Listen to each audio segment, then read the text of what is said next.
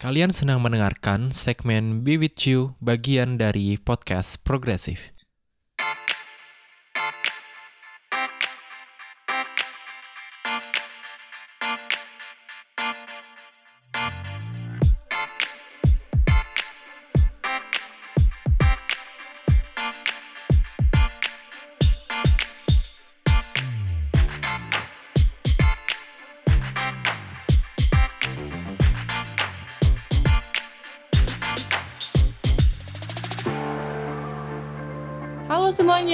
Balik lagi di podcast progresif sesinya Be With You. Kali ini kita pasti bakalan terus bahas hal yang sangat menarik dan keren-keren yang pastinya sebelumnya kita mengucapin selamat 17 Agustus Hari Kemerdekaan Indonesia HUT RI yang ke-75.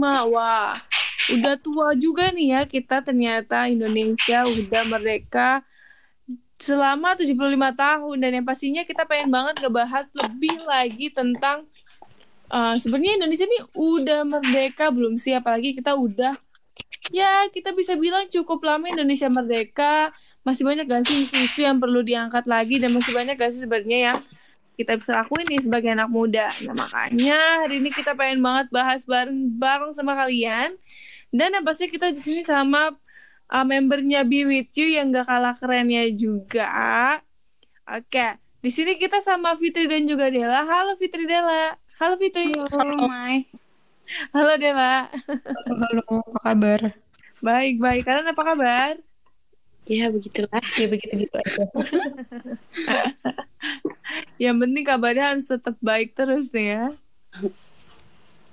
Nah, um, Sebelumnya uh, gue mungkin juga pengen sedikit mengenalkan uh, apa namanya uh, BWT lagi dan juga podcast progresif yang pastinya kalian tahu kalau misalnya BWT itu ngomongin isu perempuan, isu ketahanan gender. Nah, tapi kalau hari ini kita pengen agak sedikit lebih general ya, tapi meskipun masih ada uh, isu perempuan yang bakalan tetap dibahas, tapi harapannya uh, diskusi kali ini bakalan lebih seru lagi. Nah, sebelumnya nih kan kita udah sering banget ya kalau misalkan uh, 17 Agustus tuh pasti isu yang tuh isu-isu diskriminasi, isu-isu tentang kemerdekaan Indonesia yang kayak kita dijajah segala macam. Tapi kali ini kalian nggak nggak sih kalau misalkan di Indonesia sendiri tuh penjajahan tuh udah nggak lagi yang namanya perang fisik gitu. Hmm. Tapi kita sekarang lagi perang pemikiran, perang stigmatize, perang ekonomi, perang dagang mm-hmm. lebih banyak sih lebih banyak sekarang daripada dulu kalau dulu kan ya tembak-tembakan iya. jelas siapa yang ditembak gitu. Tapi kalau sekarang nih kita yang diserang nih agak agak apa ya? Agak agak-agak next level gitu, gitu kan. iya bener banget Del. Nah menurut lu sendiri salah satu yang sedang menyerang Indonesia itu apa sih? Mungkin bisa dimulai dari Fitri dulu kali. Yang lagi nyerang kita ini sekarang apa ya? Karena kayak musuhnya tuh udah nggak kelihatan lagi gitu loh.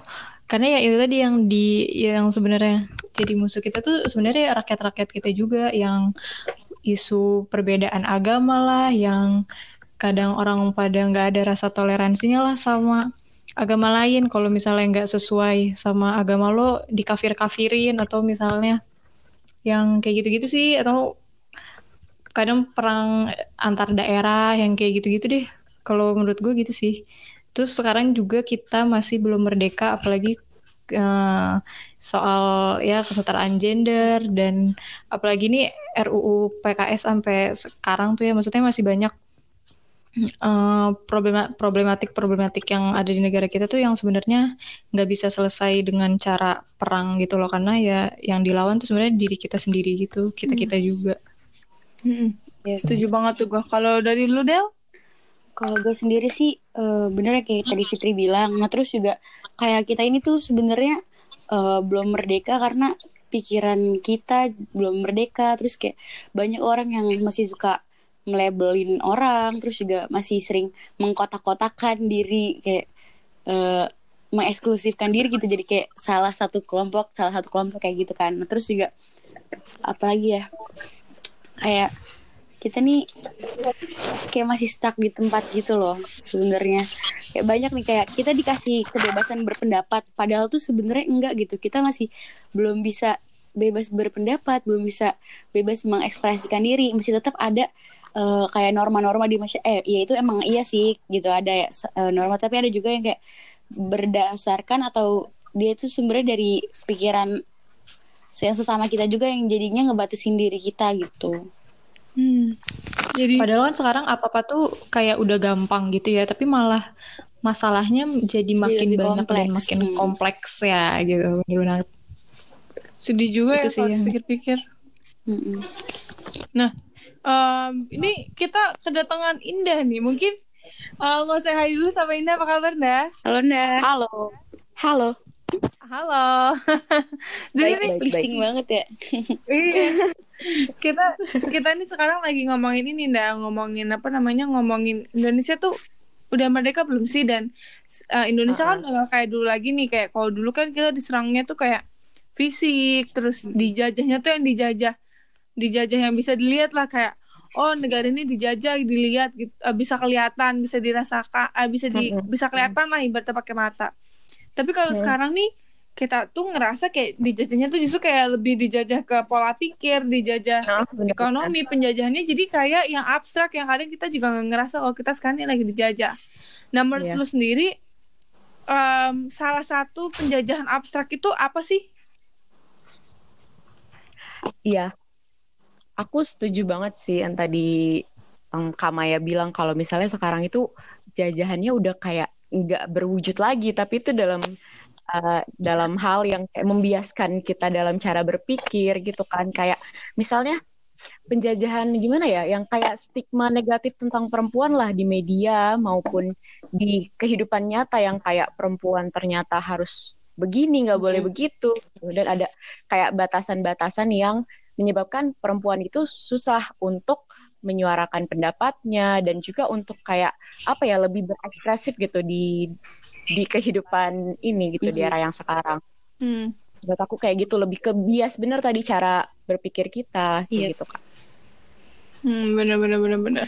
Dan dan sebenarnya yang paling kontroversialnya lagi adalah masyarakatnya sendiri juga bisa jadi salah satu um, faktor pemicu. iya faktor hmm. pemicu yang akhirnya penjajahan itu masih ada sampai sekarang bahkan bener, bisa bener. jadi berkembang biak ya nggak sih? Iya benar. Iya. Soalnya kalau dulu kan orang ya bersatunya tuh bersatu kelihatan gitu ya ngelawan penjajah. Nah kalau ini tuh kita malah jadi perang antar golongan gitu loh. Karena kita sendiri sebenarnya nggak tahu apa yang mau kita perangi gitu loh. Kayak bener-bener banyak banget gitu. Kayak sama kita bingung ini yang mana yang mau diperangin duluan gitu. Bener -bener ah, malah apa nggak ketahuan lagi mana yang kawan mana yang lawan gitu ya iya. setuju setuju setuju. Jadinya kayak kayak ini ya kayak bener-bener nggak kelihatan kayak ya sawan aja gitu gimana sih? Soalnya merdeka dari penja merdeka ya sama merdeka sebagai bangsa sebagai negara tuh menurut gue konsepnya beda banget sih. Iya. Anjay. Merdeka keren banget gak merdeka sebagai manusia seorang manusia. Seru. Aduh berat like tuh. Kayak apa ya gue gue jadi inget kemarin nih kan gue ada acara ya. Ada acara gitu kan di luar terus ada ada orang pemerintahan lah terus gue ngebahas kalau misalkan masih banyak eksploitasi petani tembakau gitu. Terus pemerintahnya sendiri bilang kita nggak bisa bilang kalau itu adalah bentuk eksploitasi hmm. karena dia tetap mendapatkan profit. Padahal sebenarnya kalau misalkan dia dari segi kemanusiaannya mereka dieksploitasi banget gitu. Pemerintahnya sendiri aja apa yang dia dapat Iya pemerintahnya aja nggak bisa nggak bisa nggak bisa apa mengindik mengindikasikan kira-kira ini merugikan atau enggak? Kira-kira ini harming atau enggak? Pemerintahnya aja menghalalkan itu kita sendiri dijajah sama pemerintah kita sendiri. Serem banget ya nggak sih? Hmm. ya uh, sama kasusnya kayak yang kalau misalnya kalian tahu kan sekarang menteri menteri laut itu bukan Bu Susi lagi ya udah ganti yang baru. Nah yeah. ada yang itu loh yang kata bibit yeah. bibit lobster diekspor secara gede-gedean gitu. Nah itu tuh katanya malah ngerugiin uh, kalau menurut Bu Susi itu tuh ngerugiin kitanya kalau misalnya bagi yang menteri yang baru itu malah enggak gitu karena emang dia mikirnya duit doang kayak cuan-cuan terus gitu nggak mikirin kesejahteraan nelayan hmm, buat kelangsungan uh, lingkungan hidup eh lingkungan ya laut uh -uh, depannya gitu iya. Iya, soalnya kalau misalnya dilihat dari ekonomi juga kan kita jual bentuknya bibit nih. Terus kita eh, ekspor. Nah, tuh dari yang ekspor tuh kita malah jadi impor yang udah nilai tambahnya lebih banyak gitu loh. Jadinya pas masuk ke kita jadi lebih mahal lagi. Mm.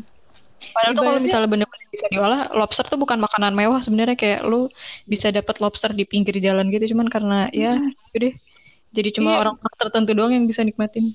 ini tuh ibaratnya gini sih Fit kayak em, lo punya tanah tanahnya lo mau jual atau lo mau kelola kalau misalkan mikirin jangka pendek ya lo dapat untung tapi kalau misalkan lo mikirin jangka panjang lo buntung karena sebenarnya uang yang lo dapatkan pada saat lo ngejual tanah itu nggak sebanding dengan perkembangan tanah yang akan apa ya, perkembangan tanah dan juga hasil panen Kalau misalnya dikelola sendiri. dapetin.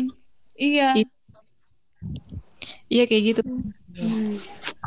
sama ini sih aku yang yang apa fokusnya kan bicara lagi soal yang tentang kemerdekaan. Terus semboyan kita kan 75 tahun Indonesia merdeka Indonesia maju. Tapi kayak aku lebih setuju yang kayak Bibit Cu kemarin kampanye kalau misalnya Indonesia harusnya tagline Indonesia setara. Karena kalau misalnya kita udah setara perempuan maupun laki-laki sama-sama mendapatkan hak untuk pendidikan gitu ya Indonesia bisa maju gitu. Bener bener bener bener bener. Karena masih banyak yang harus dikoreksi ya. Iya. Iya. Kalau mau jahat sih sebenarnya nggak kelihatan majunya di mana ya. Mm. iya perlu dievaluasi lagi. Gimana nih menurut kamu Del? Apa tuh? Eh, tentang kayak tagline-tagline eh, yang apa Indonesia maju. Indonesia kemarin. maju. Ya kita positif tinggi aja, mungkin aja itu harapan untuk eh, tahun sampai tahun depan gitu kan. Berharap nih dalam satu tahun Indonesia bisa maju gitu kan. Padahal kayak jauh banget dari kata maju, bah- bahkan bisa dibilang kayak tertinggal tuh kayak gitu loh. Banyak banget yang di di aspek-aspek tertentu yang emang bener-bener jauh banget dari kata maju gitu. Nah, mungkin itu kayak harapan kali ya. Mungkin mungkin. Yang paling kelihatan aja deh yang pandemi sekarang. Iya. Itu tuh kayak menjelaskan banget bagaimana keadaan apa ya pandemi ini tuh menjelaskan Cara- banget gimana kondisi eh, suatu negara gitu. cara pemerintah ngad apa ngadepinnya gitu kan. Heeh. Ngurus ini. Karena ini juga efeknya kayak ke sebuah kalangan gitu kan, gak cuma kayak bener-bener tanpa kecuali gitu loh, mereka terdampak dari pandemi ini. Bener banget. Gue jadi keinget ini. Barusan tuh gue dikasih video gitu kan sama pacar gue. Kalau misalkan nunjukin Wuhan tuh lagi ngadain party karena mereka akhirnya bisa kembali ke kehidupan normal lamanya. Hmm. Gila ya, kita aja begini-begini aja gitu. Parah banget gak sih? Kita belum ada tanda-tanda penurunannya tetap party. tapi kita begini tetap party bener-bener kita yang kayak Oh. apa ya masih Bahkan belum terus sampai peak meningkat ya. terus nanti Heeh. ada kabar tuh Nih, tetap party gue penasaran nih, kan Dela anak kedokteran ya Del ya. Hmm. Kalau misalkan tadi kan ngebahas corona nih, menurut lu sendiri sebenarnya kan ada juga tuh masih banyak tahu yang nggak percaya kalau corona tuh beneran Ada. gitu. Hmm. Nah, lu sebagai anak kedokteran gimana menanggapinya tuh? kayak ya mungkin itu hak dia mungkin dianya aja yang kurang gitu kan. Si nggak nyampe gitu kan. Kayak kalau dila- dipikir-pikir ya mana mungkin sih kalau bisa emang itu nggak ada gitu ya sampai sebanyak itu korban dan kayak no one realize gitu. Emang dari seluruh di dunia ini gitu nggak ada satu orang gitu yang cerdas yang sampai bisa eh, realize kalau ini tuh bener-bener apa sih kayak ngerti ya sih? Kayak kalau misalnya ini bener-bener bohongan gitu kayak kayak nggak mungkin dia sampai sebanyak ini korban gitu. Sampai tenaga medis pun kena gitu. Kalau emang ini buatan nggak mungkin sampai apa kayak makan korban di tenaga medis. Sampai bahkan sampai ke pemerintahan juga ada korbannya gitu. Nah mungkin yang kenapa kayak banyak yang bilang ini apa bukan nggak ngerti deh kenapa ada yang mikir kayak gitu gitu. Mungkin dia aja yang kurang gitu kan. Hmm, tapi menurut lu sendiri kan lu anak kedokteran, ini Hmm. beneran ada nggak? Ada sih kalau menurut gue karena emang kan virus. Nah virus itu kalau misalnya dia masuk dalam tubuh kan emang sebenarnya di dalam tubuh kita itu ngebentuk sendiri gitu. Kayak alamiahnya ngebentuk antibodi gitu. Nah emang si virusnya ini tuh dalam beberapa waktu tuh sebenarnya bisa kebunuh gitu loh kalau misalnya antibodi ini terbentuk. Nah masalahnya manusianya bisa nggak gitu? Kayak tubuhnya tuh cukup fit nggak buat em, ngebentuk itu dan makanya kenapa banyak yang meninggal mungkin juga karena bisa jadi disertain apa namanya penyakit lain Nah, tapi juga ternyata banyak juga yang dia nggak sakit apa-apa tapi ternyata tuh sampai meninggal gitu loh Nah itu kalau menurut gue emang sebenarnya kalau virus emang tanpa kita sadarin juga ada aja yang masuk ke tubuh kita. Nah sebenarnya kita punya eh, antibody di dalam tubuh. Nah cuma masalahnya ini sekarang itu terjadi di seluruh dunia gitu secara serentak. Jadinya kenapa ini jadi sorotan kayak gitu? Hmm, oke oke. Got it.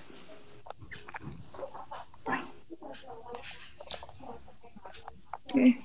Berarti ini bener-bener masalah yang serius banget ya. Iya sih karena sampai di seluruh dunia kayak dikit banget gak sih negara yang nggak terdampak ini? Iya lah gila kayak kayak ini tuh bener-bener kayak dari ujung ke ujung tuh sedunia kena semua gitu loh. Hmm. Kayak apa ya? Gue juga mikirnya kayak kita tuh sekarang kalau ngomongin kemerdekaan lagi Hmm. nggak cuman berperang sama pola pikir aja sama Mm-mm. ekonomi tapi kita juga berperang sama virus Mm-mm. dan masyarakat itu sendiri juga mesti disiplin untuk melawan ini Iya. kita sendiri aja masih masih kurang apa ya masih kurang disiplin kan Heeh, nah bener banget. gue juga mau lanjut nih. Kan kita tadi ngomongin tentang eh, apa namanya kita sampai bawa kesetaraan segala macem gitu kan. Nah gue juga sebenarnya penasaran nih. Eh, mungkin dimulai dari Indah kali ya. Dan menurut sendiri sebenarnya em, penjajahan penjajahan yang dirasakan anak muda sekarang yang kira-kira paling paling paling paling paling gencar dan kental itu apa sih? Tadi mungkin dirasakan oleh semua orang gitu. Kalau sama anak mudanya sendiri itu sebenarnya apa sih Kalau ngomongin anak muda sih sebenarnya lebih ke penjajahan dalam bentuk ini kayak kreativitas kita gitu kan. Karena kan setiap hari kita kayak dimanjain sama dimanjain sama ini dimanjain sama kayak produk-produk maupun konten-konten dari dari luar gitu kan. Jadi kayak kreativitas kita jadi kayak berkurang. Jadi kita kesannya eh, ngikut aja gitu ngikut arus gitu. Berpikir kritis ya sih lebih yang dijajah gitu yang aku rasakan. Bener-bener banget karena em, apa namanya eh, banyak banget juga hal-hal yang sebenarnya sama anak muda tuh perlu banget dikoreksi lagi ya. Kalau misalkan em, ke depannya kita kayak gimana sekarang kita kayak gimana. Kalau dari lu sendiri gimana Del? Kalau gue lebih ke ini kali ya, eh, penjajahan di identitas diri gitu. Mm-mm. Kayak banyak banget yang sekarang tuh kayak jadinya mereka kayak misalnya nih ada orang yang kayak sebenarnya dia feminin gitu, tapi karena eh, lingkungan yang nggak bisa nerima itu, jadi kayak eh ya udah pura-pura gitu, lo kayak aslinya tuh kayak ngerti gak sih? Dia harus Ngerti, berdandan seba- sebagai kayak ha- eh, apa cowok pada umumnya padahal tuh dia kayak dalam diri tuh dia nggak nyaman gitu pakai itu kayak gitu misalnya terus juga ya pokoknya lebih ke identitas diri gitu loh. Kayak kalau misalnya identitas tuh harus berdasarkan apa yang apa ya orang mau. Terus juga kayak misalnya nih eh contohnya lagi ya. Kalau misalnya eh, cowok kayak masih banyak juga kan yang kalau cowok tuh warnanya biru gitu yang kayak cewek pink kayak gitu gitulah pokoknya lebih ke Mhm. gitu. Harus ngikutin gitu. Hmm. Itu juga apa namanya salah satu normalisasi em, apa namanya normalisasi pembentukan atau uh, pengkotak-kotakan gender ya sedih Iya. juga sih gua kalau misalkan masih ada aja yang kayak gitu kayak ada ada masih. agak nggak banget nggak banget Iya, gitu gitu itu dan gue masih nemuin itu gitu loh di lingkungan gue tuh kayak ih jangan kayak ini kan warna warna cewek kayak gitu. So gue juga kadang suka gitu kadang gue tegur dia kalau misalnya ngomong kayak gitu. Iya kayak ih ngapain sih megang boneka gitu itu apa namanya mobil-mobilan gitu cewek kok main mobil-mobilan kayak gitu-gitu sih banyak Hmm. banget gue temuin di lingkungan gue padahal kenapa emangnya kalau kita main mobil-mobilan gitu Gak kan ngerti, gak ngerti. Gue mungkin emang kita ternyata punya minat di situ kan. Heeh. Makanya gue yang kayak ih gue kadang suka gelas sendiri gitu loh kayak apa sih lu gak jelas gitu ngapain sih ngotak-ngotakin orang kayak Hmm. boy udah 2020 nih Iya. nah eh, se- tapi seru juga gak sih Del kalau misalkan tuh em, kita sebagai anak muda tuh kayak punya punya mimpi yang kayak mimpi yang tinggi gitu terutama buat buat kemerdekaan Indonesia nah mungkin gue penasaran nih mimpi lu di atau harapan lu di em, di kemerdekaan Indonesia yang ke 75 ini sebenarnya apa sih Wah banyak banget sih Mai. Kayak Apa tuh? Iya banyak banget dari beberapa sektor yang udah pasti kan kalau misalnya yang yang IPO Lexus bertahan Cup itu itu pasti kan. Nah, terus juga kayak lebih ke yang tadi kan Indah juga disebut singgung tuh di awal yang eh, pemikiran kri- kritis juga itu tuh gue berharap banget gitu. Karena sekarang tuh banyak banget yang anak-anak muda nih kayak banyak banget yang eh, misalnya mau berpendapat nih ngasih kayak iya pokoknya nge- nge-share pendapatnya gitu. Emang sih ada kayak kebebasan pendapat gitu kan. Cuma banyak yang ternyata tuh dia sebenarnya nggak tahu apa yang mau diomongin gitu loh. Jadi dia Hmm. berpendapat nggak berdasarkan sama pemikirannya. Nah itu lagi lagi-lagi gara-gara kurang apa pemikiran kritisnya kurang kan. Dia nggak mau nggak mau baca pertama. Terus juga eh, itu kan juga termasuk yang jadi masalah negara kita kan kurang literasi itu banyak Hmm. banget pokoknya dari yang hal-hal kecil kayak gitu deh yang benar-benar harus dirubah supaya eh, negara kita tuh bisa jadi sesuai dengan tagline yang diusung sekarang gitu Indonesia maju Setuju, setuju. Karena ya karena emang gue setuju banget sih apalagi yang ngomongin tentang um, apa tuh namanya kalau Indonesia tuh um, literasi membacanya tuh kayak masih kurang gitu kan. Karena Iya. ini juga kayak gue ngeliat ini loh Del apa namanya kayak banyak banget orang-orang terutama anak muda di Indonesia baru misalkan baca apa gitu Mm-mm. atau ngeliat apa gitu pasti langsung kalimat ya kan Iya langsung kayak wah anjir nih apa nih langsung kayak emosi aja gitu bawahnya Iya. kayak pengen makan orang. Mm-mm.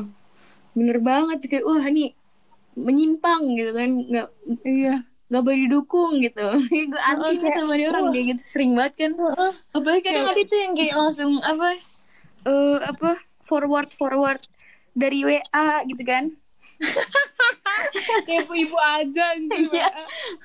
atau enggak kayak eh ini apa namanya kayak dari apa namanya postingan orang. Maksudnya kayak gue juga bukan anti kritik gitu gue nerima maksudnya nerima kalau pendapat dia kayak gitu emang kebebasan pendapat. Tapi maksud gue bahwa ya kayak didasarin sama kemampuan lu berpikir gitu kayak lu analisis dulu kayak seenggaknya lu punya argumen gitu buat didebatin buat diomongin gitu. Ini tuh masalahnya enggak gitu kayak dia berpendapat berdasarkan pendapat orang lain itu yang jadi masalah. Hmm. Bener-bener. Bener. Terus kadang um, mikir juga nggak sih kayak gimana Indonesia mau merdeka secara pola pikir dan juga ekonomi kalau anak mudanya sendiri literasi membaca sama sama apa ya? Mungkin karena kita nggak karena kita tuh apa sih kemampuan mengolah informasi gak sih? Iya, pen- pendidikan tentang literasi membacanya juga kayak rendah. rendah dan kurang banget menurut gua. Masih masih bisa dibilang sangat jauh. bisa gak sih kalau dibilang kegagalan kurtilas gitu ya kurikulum tuh udah dibuat sedemikian rupa buat memfasilitasi lu supaya lu bisa belajar sendiri supaya lu bisa mengeksplor kemampuan lu tapi itu kayak nggak dimanfaatkan dengan baik gitu kayak Bener. udah nggak udah nggak disuapin tapi tetap aja gitu kan nggak mau baca nggak mau belajar kan sama aja bohong gitu Bener banget. Jadinya kayak useless ya. Jadi agak jadi agak miris juga sih kalau misalkan ngebayangin sampai ke situ. Apalagi kalau misalkan sebenarnya Indonesia sendiri ini punya potensi yang tinggi banget. Kita nih bonus demografinya ini gede banget. ya. iya bener-bener banget setuju gue juga penasaran nih Indonesia kan sebenarnya kalau misalkan kita ngomongin Indonesia dan merdeka atau belum dan ngebawa dan narik itu ke isu-isu di Indonesia sendiri kan masih banyak banget dan kita bisa bilang problem problematik lah ya Mm-mm. karena ini mm, pasti bakalan banyak orang yang kayak wah ini apaan sih wah Hmm. ini mah lu mah masalah masalah mah lu lu aja kali yang bawa-bawa gitu Uh-uh. atau kadang kan suka ada orang-orang yang kayak orang-orang yang apatis yang ngomong kayak gitu kan Mm-mm. terus em, apa namanya mungkin eh, mungkin juga banyak juga orang yang mungkin gak nyadar kalau misalkan ini adalah masalah nah kalau misalkan kita tarik lagi nih kemerdekaan Indonesia isunya masih banyak. Terus kita ngomong ke apa namanya ngomong ke isu yang di bawah SDGs Mm-mm. poin nomor 5 kesetaraan gender karena BWT fokus ke situ. Mm-mm. ini gue penasaran banget. Menurut lu sendiri kan lu juga kebetulan anak kedokteran cuman gue nggak tahu nih di kedokteran ngomongin ini atau enggak sih. Apa tuh di poin nomor 5 indikator itu ngomongin yang namanya female genital mutilation atau sunat Mm. perempuan. Mm-mm. Nah kalau di daerah lu sendiri nih, gue mau ngomong budaya daerah lu ya. Yap. Itu masih ada nggak sih yang namanya sunat perempuan? Nah, kalau ini sih sebenarnya kayak gue kurang tahu gitu loh, karena kan katanya kan kalau misalnya FGM itu kan itu kan dari masih bayi gitu kan. Mm-mm. Tapi kalau setahu gue sih kayaknya nggak ada kalau di lingkungan gue gitu. Mm-mm. Karena emang ya masih bayi gitu loh, kan sakit gitu kan ya, maksudnya harus merasakan itu kayak gue sih nggak pernah dengar gitu, maksudnya kalau itu di lingkungan gue Kalau ada sunat perempuan gitu lu belum pernah dengar? belum, maksudnya oh kalau dengar udah, tapi kalau melihat secara langsung ada yang pernah gitu gue belum. Oh oke. Karena apa namanya? Kalau gua Di lingkungan lu gimana? eh, di lingkungan gua di Jogja tuh katanya nggak ada. Hmm. Katanya tuh nggak ada di Jogja lingkungan gua. Tapi ternyata di Bogor, Depok itu banyak banget. Bahkan ada eh, apa namanya? Apa sih namanya cuy itu? Kayak itunya Dukun, kayak dukun apa sih? Hah? Dukun Oh itu iya, dukun ngerti. Heeh. dukun-dukun Iya, melahirkan emang dan mereka yang kerja di bagian itu gitu. Nah, nah itu kan salah satu penjajahan juga tuh karena Mm. sebenarnya itu harming harming harming itu bahasa Indonesia apa ya Del, ya? Menyakiti. Iya menyakiti anak perempuan kan karena Hmm. yang disunat itu adalah anak-anak kecil atau bahkan ada di salah satu daerah tuh dia tuh disunatnya tuh dipatok ayam. Gue baru dengar Iya. sumpah, gue baru pertama kali ini dengar. Ada dan anak-anak yang dipatok ayam itu di vaginanya. Iya, dan itu tuh anak-anak umur 7 tahun yang yang kayak ih lo pasti tuh masih nyadar anjir. itu gue udah ya ampun itu gue udah ngerti apa anjir Ya kan maksudnya kayak lo udah bisa bilang enggak, lo udah bisa ngomong. iya itu udah harus ada kayak concernnya gitu kayak lu udah bisa itu loh nggak sih Ya kan? ya, gue Kayak- baru tahu sumpah Mai asli soalnya kalau di lingkungan keluarga gue sendiri kayaknya nggak ada Hmm, kalau di gue juga nggak disunat sih. Eh, tapi em, apa namanya? Ada beberapa teman gue yang udah dan mungkin kalau misalkan teman-teman yang dengerin sekarang kayak, hah Aduh, mm. sunat? Apa sih sunat gitu? atau Sunat perempuan yang pernah gitu kan Iya atau dan masih Sunat membekas perempuan. gitu sunat perempuan nih yang mana sih? Atau mungkin masih ada yang ngomong kayak gitu ya? Mm. Mungkin em, perlu juga kayak di apa namanya? kasih dilihat lagi nih kalau misalkan sunat perempuan itu ada banyak jenisnya ada yang digesek ada yang di ada yang digunting ada yang digunting terus Au. dijahit lagi aduh ini kita sama-sama punya dan sama-sama merinding ya dengernya ya. Oh, yang paling parah yang patok ayam sih gue bener-bener nggak Iya. kepikiran asli. Dan dan kemarin kan gue sempet nanya gitu kan sama Mbak Penas. Ya Hmm. udah lama sih sebenarnya. Kayak nanya sebenarnya sunat perempuan sendiri ini di Indonesia gimana sih? Terus dia bilang sunat perempuan sendiri itu belum ada belum ada definisinya. Makanya Mbak Penas belum berani untuk mencatat eh, apa namanya mencatat datanya gitu padahal sebenarnya tuh udah ada definisinya cuman emang mungkin karena isunya sensitif Mm. jadinya dia nggak berani untuk ngebawa apa untuk ngebahas ini buat gitu. nge-up itu Iya, jadinya dia nggak berani untuk nge-up untuk nge-up ini karena menurut dia tuh kayak masih masih sensitif gitu. Karena apalagi ini kan bawa-bawa tentang masalah agama. Jadi dia masih kayak ya let's say belum berani lah ya untuk Hmm. ngomongin itu. Tapi ya Mai kalau dipikir-pikir juga, kalau dilihat dari kesehatan juga sebenarnya itu nggak, misalnya kalau yang tadi ayam ya, itu udah bener kayak, ih, itu kan nggak nggak bersih gitu loh, ngerti gak sih? Yes, dan dan Malah jadi nimbulin penyakit lain loh, bisa jadi. Hah, dan apa sih namanya kayak kamu inilah Del apa namanya tau lah Del apa digesek kayak itu Del pakai koin dan gua kan punya teman Koin? bidan kan dan iya koin koin di Indonesia itu Lu bayangin itu tuh koin, itu kan pasti kan udah dari tangan ke tangan kan, nggak mungkin dari bang langsung ke Yes. tangan lu kan. Itu bener-bener itu Udah gitu belum lagi wak- lama waktunya dia dari dikeluarin. Itu kan udah ada yang berkarat lah. Apa apalah. Eh, gue nggak habis pikir sih. Tahu gak sih orang-orang tuh percaya kalau misalkan sunat perempuan itu berarti eh, apa namanya bisa apa namanya bisa membuat si orang itu tuh demen sama bapaknya, maksudnya kayak nggak nafsuan sama bapaknya sama adik uh, lawan jenis ya kayak gitu-gitu. Terutama untuk perempuan. Makanya mereka percaya sunat perempuan itu bisa menahan nafsu si anak itu. Padahal menurut gua sunat perempuan justru kayak melukai dia Iya. apalagi kalau misalnya masih bayi. Bener-bener. Gitu. Itu kayak lebih ke perta kayak ke diri lu sendiri gak sih? Balik lagi. Iyalah maksudnya kayak gue kaget beneran. Ih pokoknya pokoknya tuh ih kalau ngomong sunat perempuan tuh complicated banget. Kenapa complicated? Karena masih banyak banget orang yang kayak yang kayak apa sih?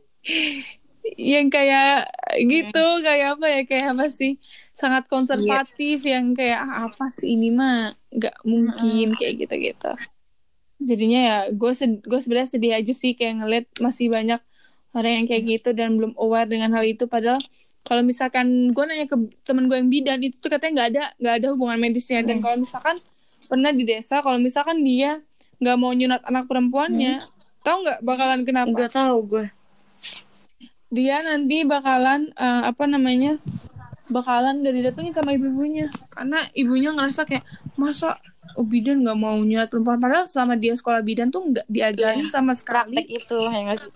praktek itu nggak diajarin gitu aneh banget sih asli thank you banget gue Iya jadi kan? tahu nih Nah, mungkin kan lo anak kedokteran nih, lo bisa nggak bahas tuntas lagi tuh sebenarnya sunat perempuan tuh apa sih dan buat apa nanti sih? gue tanyain ya soalnya kayak gue belum belajar ke situ sih Bener.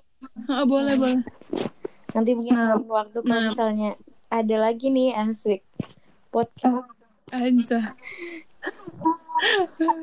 Makanya mungkin kita nanti bisa apa ya? Bisa bahas nih ya. buat minggu depan. Mm-mm, karena rencananya BWT bakalan bahas soal sunat perempuan minggu depan sama temen gue yang emang dia ngerti juga di bidang kesehatan. Gitu. Nanti kita bakalan bahas minggu depan lebih lanjut Oke. lagi. Nah, kita bakalan balik lagi nih ke si Indonesia udah merdeka belum sih gitu. Nah, gue pengen nanya nih Del, em, sebenarnya menurut lu sendiri eh, apa sih yang perlu dilakuin untuk anak muda Indonesia untuk dukung kemerdekaan Indonesia? Terutama sekarang kita udah 75 tahun nih cuy merdeka udah lama gitu kan. ya banyak banyak banget yang bisa kita lakuin kan? Nah tapi kalau menurut gue sendiri bisa didukung dari hal kecil misalnya gitu kayak kita lebih apa ya kan gimana ya Maya bilangnya? Kan banyak nih sekarang anak-anak muda yang lebih bangga gitu kan sama eh apa namanya lebih ke budaya kayak lebih ke kultur orang luar atau gimana gitu kayak lebih keren. Nah mungkin itu bisa juga jadi salah satu harapan gue sih. Maksudnya kayak kita bisa nih kena sebenarnya kenalin ke apa namanya Indonesia keluar gitu. Soalnya tadi gue juga baru baru abis nonton video gitu Mai. Kayak video bule gitu kayak gue bener-bener let's say bule ya Ya, kayak jadi tuh si bule ini kayak bener-bener seneng banget sama budaya Indonesia. While kayak gue sendiri sebagai orang anak-anak Indonesia gitu. Kadang gue masih kayak luput dari hal itu gitu loh. Gue kayak gimana gimana caranya orang lain yang baru datang ke Indonesia bisa ngelihat itu sedangkan gue yang udah bener-bener dari lahir di sini tapi gue kayak masih ih ternyata gitu gitu kayak. Nah itu sebenarnya yang jadi mungkin eh jadi apa ya? Yang bisa memperkuat gitu loh memperkuat dari dalamnya dulu kalau menurut lu Bener gimana bener bener. bener. Kalau menurut gue ya emang dari dalam tuh penting banget Del. Karena kalau misalkan kita dari dalamnya sendiri berarti kayak fondasi lo nggak kuat. Ya lo mau apa lo mau gimana ke depannya kan lo bakalan bingung sendiri. Nah makanya penting banget juga buat kita tuh kayak kayak mengerti lagi lah kira-kira sebenarnya yang perlu kita yang perlu kita apa ya yang perlu kita yang perlu kita ajukan ke depannya tuh gimana? Yang perlu kita lakukan ke depannya tuh gimana? Karena kalau misalnya kita nggak punya eh, apa? Nggak punya basicnya acara plannya nggak punya fondasinya itu nggak akan jadi apa-apa nggak akan bisa gitu. Tapi ya penting banget nih kayak kayak misalnya nilai-nilai luhur tapi diseimbangin juga sama pikiran yang modern sih kalau menurut gue kayak harus bener-bener kita bisa adaptif sama pertama adaptif sama eh, lingkungan eh, baru terus masa baru kayak tantangan-tantangan baru kayak gitu sih tapi tetap juga harus didasarin sama itu buat jadi pondasinya Jadi kayak Pancasila kita tuh udah keren banget gitu loh sebenarnya. Kalau menurut gue. Hmm, bener banget sih. Karena kalau misalkan ngomongin lagi, kita juga perlu banget banyak hal yang mesti diperbaiki, terutama secara internal dan masih banyak juga apa namanya orang-orang yang konservatif yang akhirnya malah Indonesia nggak Oh, maju. Salah satunya tadi kita bilang sunat perempuan. Mungkin eh, biar nggak salah paham nanti kita bakalan bahas di episode berikutnya. Kalian juga harus tetap Betul. stay biar nggak ketinggalan informasinya. Benar Iya, nggak tidak? betul banget. Apalagi kan ada Maya terus nih. Iya. Iya. Suaranya kan music to your ear. Asik. makanya apa ya? Eh, apa namanya? Em, kita perlu banget yang namanya em, apa ya?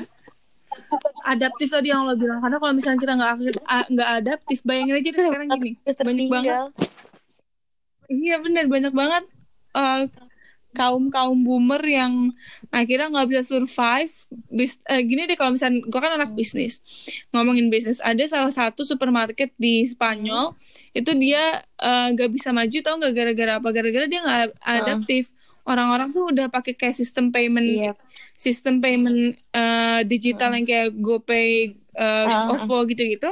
Tapi mereka nggak mau, mereka maunya cash yang akhirnya mereka Jadi ditinggalin kan. bangkrut. Iya ditinggal karena orang lebih pilih yang kayak ah enakan enakan semuanya lewat digital kan. Ngerti gak sih? Semua orang bisa belajar gitu. Nah, tapi eh, sedikit orang yang mau belajar gitu. Yes, benar banget. Sebenarnya bisa. Karena gitu. sebenarnya kebanyakan sa- justru sangat bisa deh yang sangat disayangkan ya itu belum apa ya belum belum mau untuk lebih dalam lagi gitu loh belum mau lebih dalam lagi untuk menerima ilmu. Baru karena banyak juga orang-orang yang open minded mereka nggak bisa menerima atau mengobservasi ilmu-ilmu lama. Kadang-kadang eh, orang close minded maupun open minded itu sebenarnya harus saling apa ya saling sharing ilmu supaya kita bisa lebih adaptif lagi. Karena nggak mungkin dong kita selamanya ketemu sama orang-orang yang pemikirannya sama kayak kita. Gue mau nanya nih, Mai. Kalau menurut lu sendiri, kalau misalnya masa yang tadi tuh yang masa belajar-belajar gitu, menurut lu eh, Iya. kita bisa nggak sih nyalahin akses? Maksudnya karena kita nggak ada, ibarat kayak karena kita nggak diberi akses, jadinya kita nggak bisa belajar gitu. Atau sebenarnya semua bisa gitu, asal kita mau cari gitu. Atau harus diberi gitu. Atau harus ada dulu nih sebenarnya akses terhadap pendidikan. Em, sebenarnya Berat banget. tergantung tergantung di mananya juga dan tergantung ini. Cuman menurut gua dua-duanya harus. Kalau misalkan udah dicari tapi ternyata nggak ada aksesnya sama sekali kan ya mau gimana Iya. juga kan. Jadi menurut gua pemerintah harus menyediakan akses edukasi dan informasi yang informatif. Anak mudanya juga harus mau untuk nyari gitu. Hmm. kalau menurut lu sendiri? Sebenarnya sih kalau menurut gue ya itu udah ada. Cuma penyebarannya aja mah yang belum merata. Kayak eh, itu tuh masih terpusat. Nah ini gue balik lagi nanya aja jadi balik nanya nih gue mendingan di salah satu di pusat kota itu maju bener-bener maju atau eh, sebenarnya semuanya sama rata tapi dia tuh bener-bener merata gitu ininya aksesnya. Oh. menurut lu gimana? Ngerti ngerti. Kayak Kalau gue sih disesuaikan dengan kebutuhan masing-masing daerah ya. Karena kalau misalkan bilang sama rata juga, satu nggak bisa karena eh, misalkan nih Jawa Barat Hmm. luas, tapi bisa jadi daerah lain tuh lebih lebih kecil dibandingkan Jawa Barat. Berarti nanti misalkan Jawa Barat tertinggal, sama kayak misalkan di Papua, jaraknya lebih jauh. Terus juga akses eh, fasilitas publiknya juga masih Iya. kurang. Jadi kalau misalkan misalkan disamaratakan nggak bisa, jadinya nggak Iya. nggak nggak apa ya nggak adil gitu. oke iya good parah sih gitu. Iya. Ah. Ya kan? Nah, ini mungkin pertanyaan terakhir nih sekalian kita nutup Ah. podcast kita hari ini. Gue pengen nanya banget sama lu sebenarnya Del. Menurut lu sendiri sebenarnya tadi kan kita udah nanya langkah konkret Ah. apa yang harus dilakukan anak muda dan menurut lu sebenarnya Indonesia sendiri dari penjajahan ekonomi pola pikir dan segala macam dan anak mudanya yang kira-kira sekarang ini masih kurang literasi membaca kita tuh uh, fasilitas apa yang sebenarnya dibutuhin anak muda dan juga sebenarnya dorongan seperti apa sih anak muda butuhin untuk ngebantu kemajuan Indonesia? Eh, salah satunya menurut gue itu ini sih lebih ke ketep, ketepatan apa sasaran pendidikan gitu loh. Kan bagus banget nih. kan udah nggak ada UN nah katanya kan rencananya mau eh, disesuaikan sama minat bakat gitu kan. Nah itu menurut gue penting banget sih supaya eh, kayak itu kan nanti jadinya bikin apa ya? Kalau lu jadi tuh itu yang bener-bener dibutuhin gitu loh. Supaya lebih cepat majunya baik dari segi ekonomi terus juga eh, apa namanya segi ini juga apa namanya pemikiran juga. Karena kan gimana ya kalau ada orang yang bener-bener master di salah satu bidang itu kan lo lebih cepat juga kan. Menurut gue itu selain dari infrastruktur infrastruktur kan emang kayak ya emang itu bener-bener dibutuhin juga kan. Terus juga kayak buat organisasi-organisasi nih. Misalnya kayak kita nih itu bener-bener eh, butuh juga tuh kesuntikan dana lah buat ngembangin ini. Karena ini juga bisa jadi salah satu apa ya kan kalau misalnya kita udah banyak nih eh, anggota yang misalnya terus banyak juga yang jadinya teredukasi. Nah itu juga bisa jadi salah satu indikator kemajuan gitu loh kemajuan pola pikir negara kita. Gitu Setuju gue. Karena emang apa namanya, terutama pengkerucutan apa ya kayak pemerintah tuh penting banget buat buat peduli kalau misalkan Indonesia sendiri nih eh, perlu nih anak mudanya ini diberikan em, pendidikan yang emang memfokuskan anak mudanya itu sesuai dengan bidangnya masing-masing supaya bisa ngebantu eh, pemerintah untuk memerangi penjajahan ekonomi bener gak tuh? Ya kan? Karena emang karena emang sebenarnya itu yang paling penting. Kalau misalkan kita sendiri aja masih bingung kita bisa nyapa ya kita nggak akan nggak akan bisa apa ya nggak akan bisa maju gitu. Karena emang pada dasarnya kita sendiri aja udah sulit dengan itu gitu.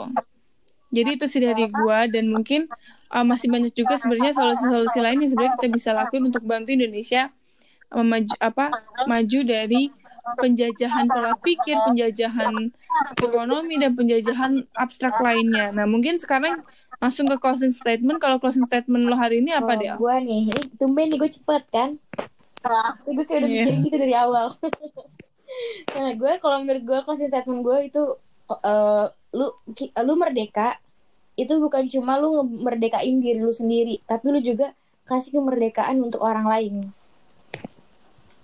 Hmm. Udah main gitu doang. Udah gitu dong, gue nungguin gue nungguin kepanjangannya Iya nih. jadi kan kalau misalnya banyak nih sekarang nih yang kayak nuntut pengen gini gini gini gini tapi dia juga nggak bisa ngasih itu ke orang lain gitu loh. Sama aja kayak tuh belum merdeka gitu. Karena yang mer- merdeka tuh sebenarnya bukan lu doang gitu tapi lingkungan lu. Mm. Setuju gue. Kalau closing statement dari gue, Indonesia perjuangannya nggak cuma sampai melawan penjajah Belanda dan juga Jepang, tapi kita ini masih banyak banget uh, penjajahan yang dirasakan Indonesia justru dari internal Indonesia sendiri. Dan anak-anak muda itu harus banget yang namanya mau maju bareng-bareng dan juga melawan penjajahan bareng-bareng, mengedukasi diri supaya Indonesia ini makin maju dan punya bonus demografi yang sangat-sangat berpotensi dan juga punya skill yang pastinya mumpuni. Itu kalau dari nggak sia-sia Ah, mungkin itu aja. supaya kenapa dia? bonus demografinya nggak sia-sia Iya benar. Jadinya nggak percuma gitu. Oke, podcast hari ini sampai situ aja. Thank you banget Dela udah ngobrol-ngobrol hari Iya. ini. Thank you juga Mai gara-gara Ah. informasinya gue jadi tahu tuh soal Soal surat iya perempuan ya. tapi gue udah tahu FGM tapi gue baru tahu kalau ada yang dipatok ayam terus digesek koin itu gue baru Itu tahu ada. Itu ada bahkan itu uh, ada pestanya. Pestanya itu makan puluhan juta. Iya, nanti di research Oke, aja oke. itu ada di salah Iya. satu daerah. Iya, oke. Thank you banget buat teman-teman yang udah udah dengerin podcast progresif sampai akhir. Semoga kita bisa ngelawan penjajahan uh, modern yang sekarang yang sering banget kita uh, alami dan juga lagi kita perangi sekarang. Jadi semoga kita bisa memerangi penjajahan itu bareng-bareng dan semoga Indonesia makin maju dan juga setara. Terima kasih semuanya. See you in the next podcast. See you guys.